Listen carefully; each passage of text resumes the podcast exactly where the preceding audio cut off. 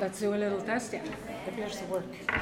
So first your names. Uh, I'm Marianne Stienby. My name is Hannah Win. Emilia Calderon. Maria Pia Kabakaki. All right. What did you learn today? Um, well, starting with KPIs, which are key performance indicators, and they're used to measure how well your business is doing according to the objectives you've set. And there are many kinds.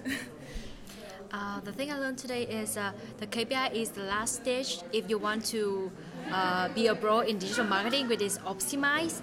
And uh, if you don't have enough time, I think you should spend your time on your website because it's something yours. It's not something like Facebook or Twitter's. So you should uh, invest more on your website that you should always have a goal of adding value to whatever it is uh, that your campaign is about.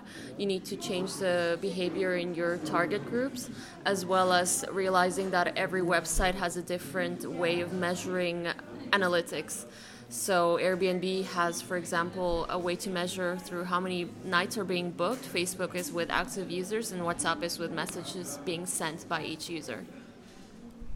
And also, like I've learned that like there are different KPIs at each stage in a customer journey, and that um, absolute numbers don't really matter in a KPIs, but you have just to look at the trend and measure your KPIs correctly.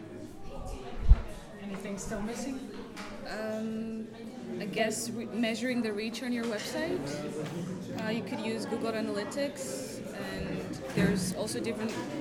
There's three uh, components that you should look at, which is the user, which usually is the unique client ID, but it could be used on multiple devices. And there's also a session, which is how long a, uh, a user goes on your on your website, and also a page view, which is uh, the just the simple act of loading a page. And you should look at all three to measure the success of your reach. Uh, to answer the question with metric uh, you should use it uh, the answer is it depends. And also you don't uh, look for absolute uh, number but instead look at the change.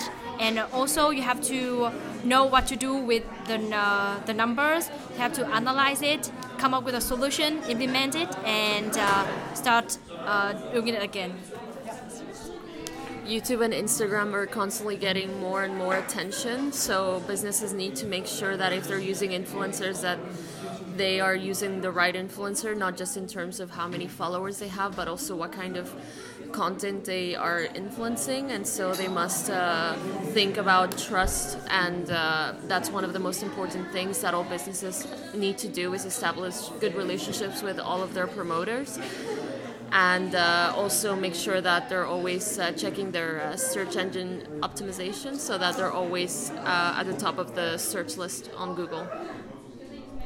And also, yeah, and also like in digital, digital marketing plan, the key important thing is having like um smart objectives, yeah. so that you can provide. You should aim like in your smart objectives, you should aim to provide and ensure superior customer value, so that as long as you make your customer happy, then you can guarantee your customer loyalty, and you can do that through um, jobs to be done and yeah. Yeah. Thank you, ladies.